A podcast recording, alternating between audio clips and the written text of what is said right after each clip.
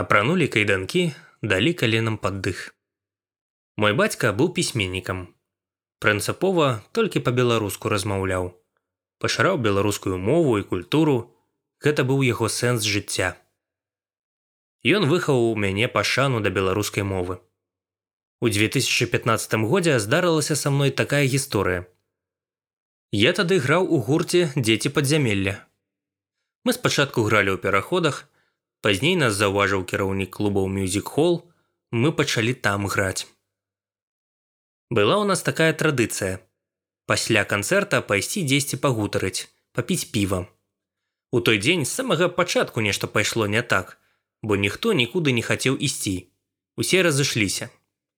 На вуліцы было холодна, непрытульна. Мы з мехасё пайшлі ўдвух. У бары на вакзале на трэцім паверсе узялі па бутэлечцы піва і пачалі размаўляць. Па-беларуску. Вось з гэтага ўсё і пачалося.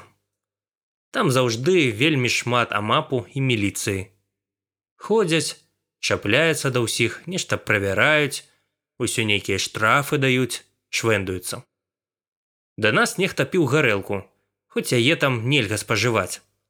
Засталася пустая бутэлька, Не на стойцы, дзе мы пілі, а на падлозе. І акурат да нас падыходзіць патруль. Яны заўважылі гэтую пляшку пустую, ну і кажуць нам: « Так, употребляем. А я кажу: « Мы п'ём піва.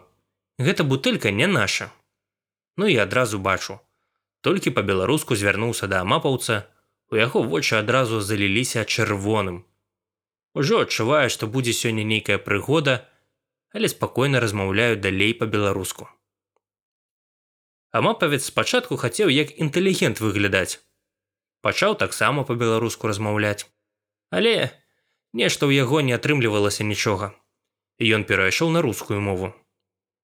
Гаварыў нам пра гэтую гарэлку і што мы беларускамоўныя, усе ці то адмарозкі, ці то нам плацяць. Я спакойна адказваў, што ў Беларусі ёсць дзве мовы а я паўсюль чую толькі рускую мову. І што я хачу па-беларуску размаўляць, бо гэта мова краіны, дзе я нарадзіўся і жыву. І мне вельмі балюча, што такі стан занядбаны гэтай мовы. Ну мы так размаўлялі, размаўлялі. Ім гэтыя размовы надакучылі. Яны запрасілі нас уніз, у іх там пастарунак. Мы з мехасём не пайшлі, бо гэта нейкі абсурд. Мы нікому не перашкаджаем, спакойна размаўляем і п'ем сабе піўцо, Яны таксама разумеюць гэты абсурд. Але нешта трэба рабіць, бо яны любяць, калі ім кланяюцца і выбачаюцца. А я не такі. Я сказаў, што не пайду, пакуль яны не скажуць, на якой падставе я затрыманы, і пакуль не ведаю, хто мяне затрымлівае. Калі яны чарговы раз не назваліся, мы з мехасём пачалі рабіць выгляд, што іх увогуле няма.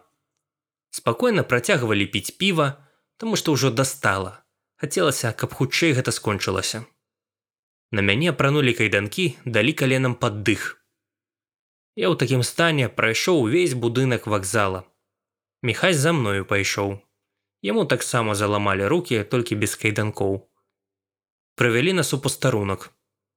Пачалі складаць пратаколы за піццё гарэлкі ў публічным месцы. Нейкія абсурдна вялікія штрафы даваць за гэта. Нешта далі мне падпісаць, я не подпісаў. Я сказаў мехасю: давай телефон даставай записывай. Телефоны мехася адразу ж забралі. Галоўны пачаў вучыць мяне жыццю. Я ўвесь час адказваў па-беларуску, стараўся размаўляць аргументавана. Ён смяяўся, смяяўся, а потым яму гэта надакучыла і ён кажа: « Слушай, со мной по-русски разговаривай, свой беларускі засунь себе в жопу. Я бачыў яго вочы, у якіх толькі нянавісць. Яго раз'юшаны чырвоны твар. І я плюнуў у яго твар, бо гэта было ўсё, што я мог зрабіць. Пасля гэтага пачаўся для мяне жах. Усіх прагналі, мяне павялі ў нейкае памяшканне і пачалі збіваць нагамі, рукамі. Білі некалькі чалавек, а мапаўцы і галоўны таксама. Пасля гэтага збіцця мяне правялі ў той пастарунак. Перад вачыма ўсё дваілася. Міхась неяк здолеў узяць свой тэлефон і зрабіць некалькі здымкаў. Тэлефон зноў забралі, патрабавалі, каб міхась адпароліў, а ён сказаў, што там ужо батарэя не працуе. Пасля гэтыя фотачкі бачыла ўся Беларусь. Я там сядзеў увесь збіты, сіні-чырвоны, просто жах. Пазней мяне павялі ў такі стакан, дзе можа знаходзіцца толькі адзін чалавек. Там быў нейкі беспрытульнік.